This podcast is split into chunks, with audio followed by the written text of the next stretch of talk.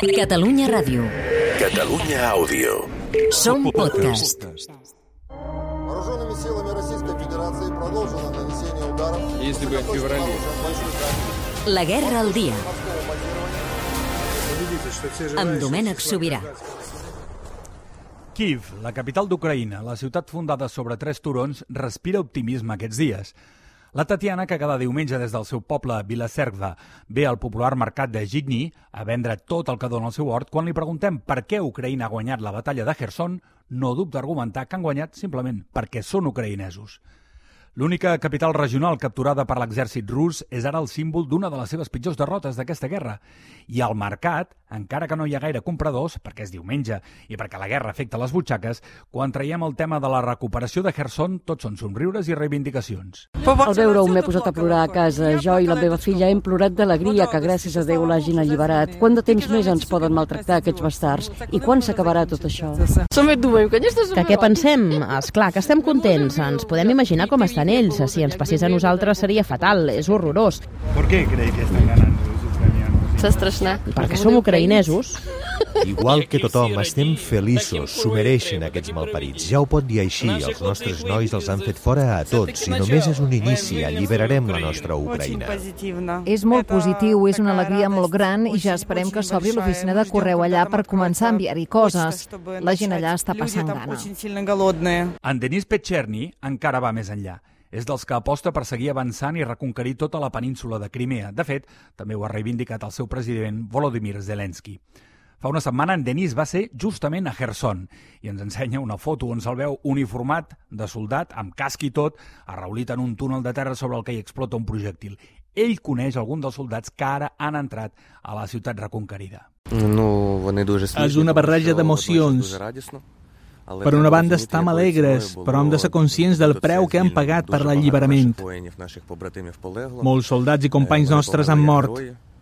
Han mort com herois, no els oblidarem mai. Però és una bona notícia que per fi, pas a pas, avancem cap a la victòria. A partir d'aquí ens explica la història del que en podríem dir l'entre-bambalines de la guerra, un moviment que potser algun dia algú haurà de valorar quina incidència real està tenint en l'avanç de l'exèrcit ucraïnès. Té 22 anys i no pot combatre com els seus amics per una lesió al genoll, però ha deixat la seva feina en una consultoria d'inversions en criptomonedes per inscriure's voluntari en una xarxa d'ajuda als soldats de la primera línia del front de guerra.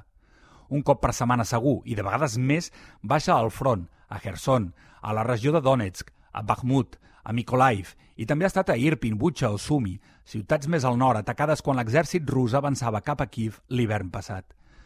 Pot portar menjar, roba, medicaments, però també armes i cotxes. De vegades va sol, de vegades acompanyat d'un o dos més i de vegades en grups. I d'on treuen el que porten? Doncs ho compren els familiars i els veïns de la unitat militar que ho necessita. És a dir, si els soldats els diuen que els falten pantalons, posem per cas, els seus pares i amics fan una col·lecta i donen els pantalons als voluntaris que es coordinaran amb l'exèrcit i els ho portaran amb els seus cotxes allà on siguin. Amb els cotxes la cosa encara agafa més dimensió. L'exèrcit sovint necessita vehicles civils per moure's ràpid, des de turismes fins a tot terrenys o furgonetes, transports que sovint acaben destruïts i que s'han de reposar. Segons en Denis i els seus acompanyants, l'administració triga massa a fer-ho i ells han trobat altres opcions. O bé familiars i amics recullen diners novament, o bé en demanen als propietaris de petites i mitjanes empreses disposats a col·laborar. Diners en mà si cal viatgen a Polònia, Txèquia o altres països i porten els cotxes fins la unitat. D'alguna manera, la maquinària de guerra ucraïnesa podríem dir que funciona a dos nivells, l'Estat per una banda i la societat civil per una altra. En Denis i els seus companys tenen clar que aquesta guerra va començar el 2014, quan Rússia va llançar el que s'ha anomenat l'invasió suau de Crimea. Ucraïna allà gairebé no van ni poder presentar batalla. Només la societat civil va intentar reaccionar creant una xarxa d'ajuda per la península ocupada que ara ha revifat i s'ha multiplicat. Per això, atenció al que ens diu en Denis quan li preguntem pel següent pas de l'exèrcit. y está convencido que van a llegar a Crimea y van a recuperar, a reconquistar toda Crimea. Звісно, ми вже готель забронювали. Claro que ya está reservado el hotel. Vale, vale, vale. és l'efecte de la injecció de moral que ha suposat l'entrada a Kherson i que el mateix govern ha intentat refredar advertint que la guerra encara no s'ha acabat. El mateix seny que intenta posar l'Estanislav, un professor d'informàtica que volta la setantena assegut al parc de Chevchenko a punt per jugar a escacs i que adverteix de la distància que hi ha encara entre Kiev i el front de Kherson. Aquí tenim dificultats, però són una bestiesa en comparació amb el que viuen els nostres nois al front. Ells ho tenen molt més difícil, i no només els nois, sinó la gent que viu al front o a prop. Després d'aquesta conversa, en un altre parc, en un turó, veiem un màstil molt alt amb una bandera ucraïnesa que ens acaben de reivindicar amb orgull. Al costat despunta una estàtua de 102 metres i 560 tones és l'estàtua de la mare pàtria, construïda quan la pàtria era la soviètica. Molts la voldrien enderrocar, però sembla que no hi ha prou diners per fer-ho. La va inaugurar el primer ministre soviètic, Leonid Brezhnev.